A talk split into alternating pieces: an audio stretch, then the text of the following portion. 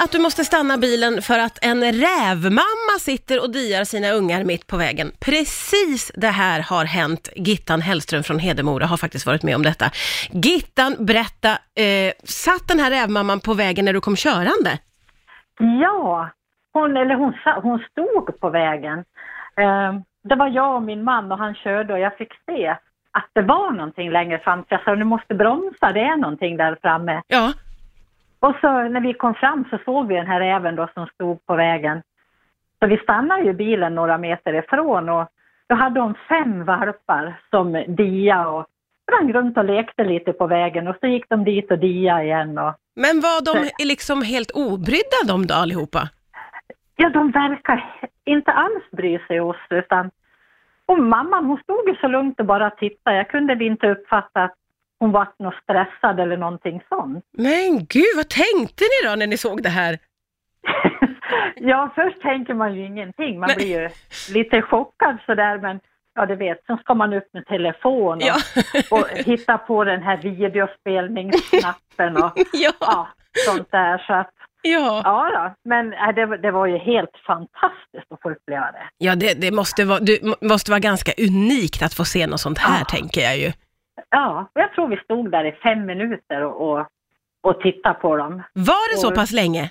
Ja, och de här barnen, de, jag har ju spelat, på telefon lyckades jag få med tre minuter när jag filmade. Ja. Men det tog väl en stund innan jag började och sen slutade jag väl ett tag innan Ja. jag åkte. Men nej, de var helt obekymrade och Och någon av ungarna kom ju liksom fram mot er också. ja, kom ganska nära bilen och sen var det en som gick ner bredvid bilen på passagerarsidan vid mig. Det var inte med på filmen som Nej. hade en råtta som den väl har tagit och höll på och lekte med bredvid. Men- Det är helt otrolig upplevelse alltså.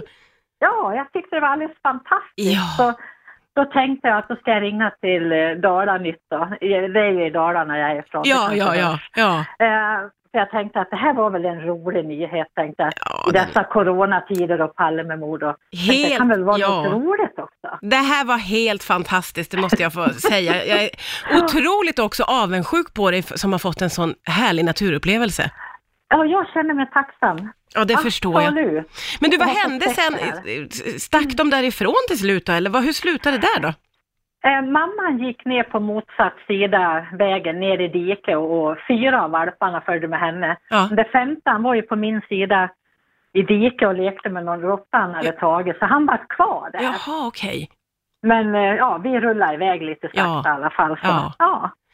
Ja, helt fantastiskt. Gud vad eh, lyck hos dig som fick uppleva det här och tack snälla Gittan Hellström för att du var med och berättade om det här på Rix FM också. Så himla ja, kul det att gjorde höra. jag så gärna. Tack Ja. snälla.